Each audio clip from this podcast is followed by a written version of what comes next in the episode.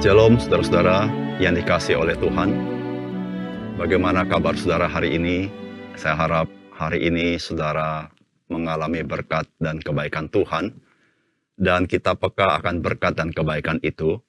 Sehingga kita selalu bisa bersyukur kepada Tuhan. Bahkan bersuka cita di dalam Tuhan, di dalam segala situasi dan kondisi kita.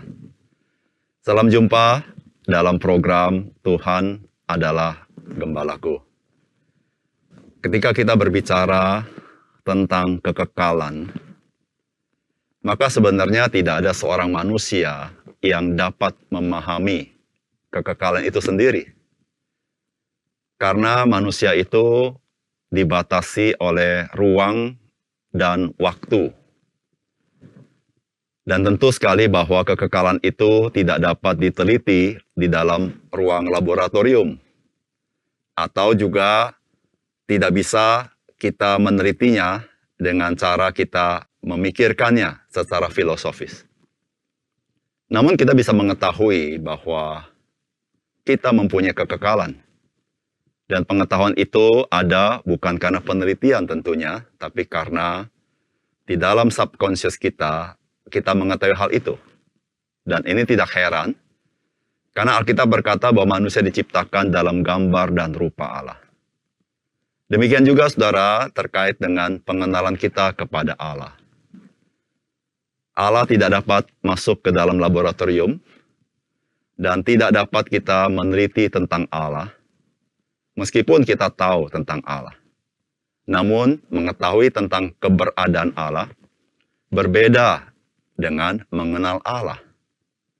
Oleh karena itu, saudara-saudara, untuk mengenal Allah, tidak ada jalan lain kecuali Allah memperkenalkan dirinya kepada kita, atau di dalam bahasa Alkitab adalah Allah menyatakan diri kepada kita. Dan di situlah firman Tuhan berkata kepada kita bahwa tanpa iman, tidak mungkin orang berkenan kepada Allah. Di dalam Ibrani pasal 11 ayat ke-6. Iman itu timbul dari pendengaran dan pendengaran oleh firman Kristus.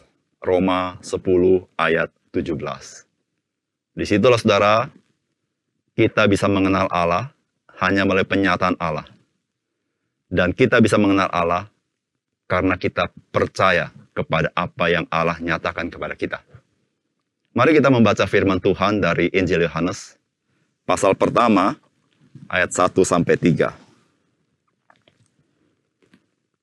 Pada mulanya adalah firman, firman itu bersama-sama dengan Allah, dan firman itu adalah Allah. Ia pada mulanya bersama-sama dengan Allah, segala sesuatu dijadikan oleh dia, dan tanpa dia tidak ada suatu pun yang telah jadi dari segala yang telah dijadikan. Saudara yang dikasih oleh Tuhan, hari ini kita mulai merenungkan Injil Yohanes. Injil Yohanes ini ditulis oleh Rasul Yohanes, yaitu salah seorang dari kedua belas murid Tuhan Yesus. Rasul Yohanes adalah saksi mata akan Yesus Kristus. Dia adalah murid yang sangat dekat dengan Tuhan Yesus, dan dia salah seorang murid yang berada di kaki salib ketika Tuhan Yesus disalibkan. Di dalam Injil Yohanes ini, Tuhan memakai Rasul Yohanes untuk menyatakan siapakah Allah. Dan di dalam Injil Yohanes, maka kita mengenal siapakah Yesus Kristus. Saudara Yesus Kristus adalah pribadi Allah manusia. Dan di dalam Yesus Kristus ada dua natur, yaitu natur Allah dan natur manusia sepenuhnya. Ketika kita mendengar hal ini, kita pasti akan mengernyitkan dahi karena memang sesuatu yang tidak sanggup atau melampaui akal budi kita. Namun sebagaimana saya katakan tadi, kita bisa mengenal Allah hanya melalui penyataan Allah. Dan penyataan Allah itu hanya bisa direspon dengan iman kita. Karena Allah melampaui akal budi kita. Ketika kita percaya kepada penyataan Allah, di situlah kita mengakui Allah adalah Allah. Saudara, apakah yang menjadi pesan firman Tuhan bagi kita hari ini? Yang pertama-tama, firman Tuhan hari ini mau mengatakan kepada kita bahwa firman itu adalah Allah yang kekal. Itu yang dikatakan di dalam pasal 1 ayat ke-1. Pada mulanya adalah firman. Firman itu bersama-sama dengan Allah dan firman itu adalah Allah. Yang dimaksudkan dengan Injil Yohanes dengan firman itu adalah Yesus Kristus. Itu tercatat di dalam pasal 1 ayat 17. Sehingga saudara-saudara, bagian ini mengatakan bahwa Yesus Kristus itu adalah Allah itu sendiri. Dan keberadaannya sudah berada di dalam kekekalan. Sehingga saudara-saudara, tidak ada satu masa, tidak ada satu titik di mana Yesus Kristus tidak ada. Dia ada di dalam kekekalan dan keberadaannya kekal. Karena dia adalah Allah itu sendiri. Saudara, ini adalah penyataan yang dinyatakan oleh firman Tuhan kepada kita. Yang kita tidak bisa mengetahuinya tanpa dinyatakan oleh kebenaran firman Tuhan. Kita tidak bisa mengetahuinya melalui falsafah hidup manusia. Kita tidak bisa mengetahuinya melalui laboratorium. Karena pengetahuan tentang Allah dan siapakah Allah itu melampaui apa yang kita pikirkan dan melampaui keterbatasan daripada dunia ini. Dari firman Allah ini kita baru tahu bahwa Yesus Kristus dia adalah Allah itu sendiri dan dia sudah berada di dalam kekekalannya. Oleh karena itu, saudara-saudara, mengapa kita sebagai orang percaya menyembah Yesus Kristus?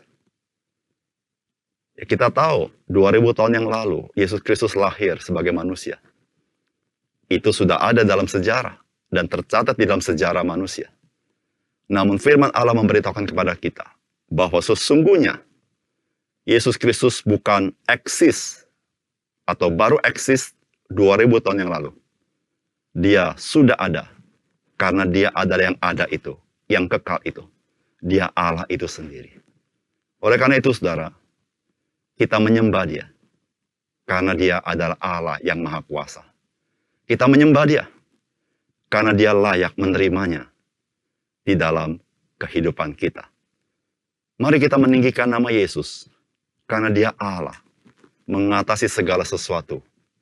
Dan dia adalah yang maha mulia. Yang maha agung. Dan dialah Tuhan di atas segala sesuatu. Yang kedua, Saudara firman Tuhan hari ini mengajar kepada kita bahwa firman itu pribadi yang lain dari Allah di dalam keesaan Allah. Itu tercatat di dalam ayat 1 dan ayat 2. Pada mulanya adalah firman. Firman itu bersama-sama dengan Allah. Dan firman itu adalah Allah ia pada mulanya bersama-sama dengan Allah. Pastilah pada bagian ini, akal budi kita mendapat tantangan yang sangat berat untuk dapat mengerti, memahami apa yang dinyatakan oleh firman Allah. Saudara firman Tuhan berkata bahwa firman itu bersama-sama dengan Allah. Atau di ayat kedua berkata, ia pada mulanya bersama-sama dengan Allah. Berarti di bagian ini memberitahukan kepada kita bahwa pribadi firman dan pribadi Allah adalah dua pribadi yang ada.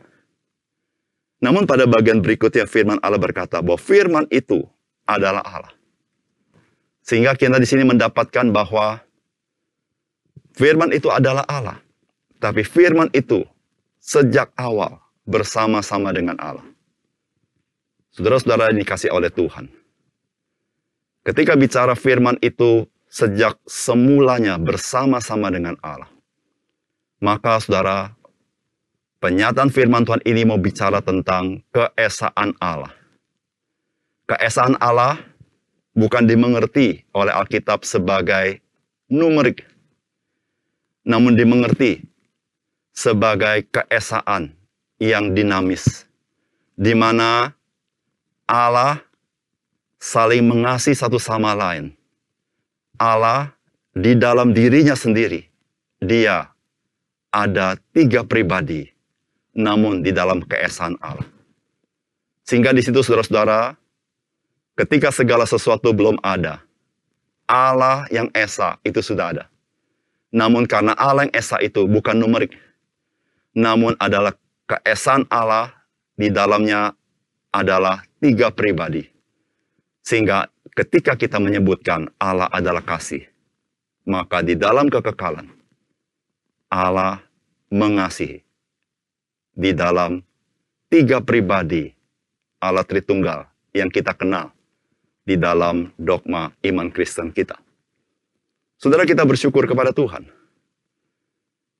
Kita tidak bisa memahami apa yang terjadi dalam diri Allah. Namun Allah sendiri menyatakannya kepada kita. Yesus Kristus adalah Allah itu sendiri. Namun, Yesus Kristus adalah pribadi yang lain daripada Allah. Dan memang di sini kita belum membahas mengenai Roh Kudus. Namun saudara-saudara di dalam Injil Yohanes kita akan menemukan kita mengenal Allah adalah Allah Tritunggal. Keesaan Allah di dalam tiga pribadi yang ada di dalamnya. Saudara kita bersyukur untuk sesuatu yang melampaui akal budi kita namun kita bisa terima dengan iman kita. Yang ketiga, Saudara firman Tuhan hari ini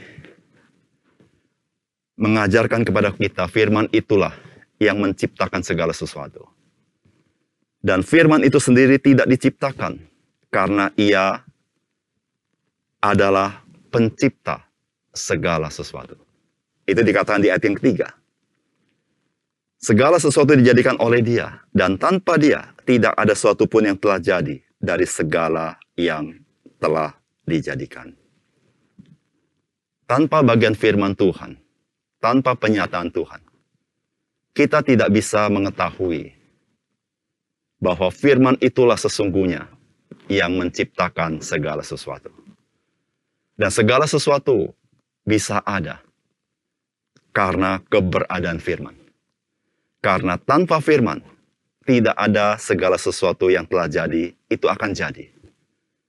Saudara di sini membicarakan kepada kita bahwa betapa relasi ciptaan dengan firman itu adalah suatu relasi yang sifatnya absolut. Karena tanpa firman, tidak ada ciptaan yang dapat terjadi. Saudara yang kasih dalam Tuhan, ketika berbicara bahwa firman itu menjadikan segala sesuatu ada. Maka di sini bukan berbicara hanya semata-mata tentang firman itu menciptakan. Namun di sini berbicara tentang nilai, makna segala sesuatu yang ada itu. Hanya ada di dalam relasi dengan firman itu. Firman itulah yang memberikan makna, memberikan arti kepada seluruh yang diciptakannya.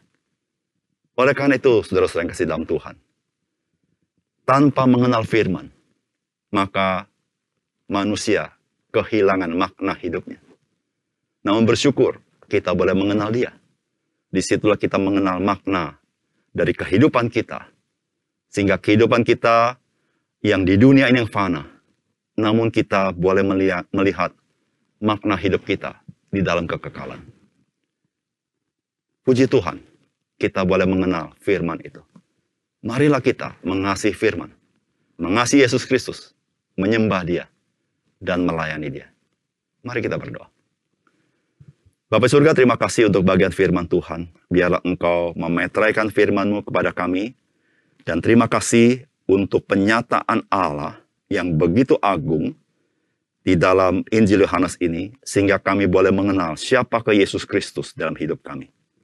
Sehingga ya Tuhan, kami boleh dengan iman menyembah Tuhan meninggikan engkau, melayani engkau, dan juga memberitakan engkau di tengah-tengah dunia ini.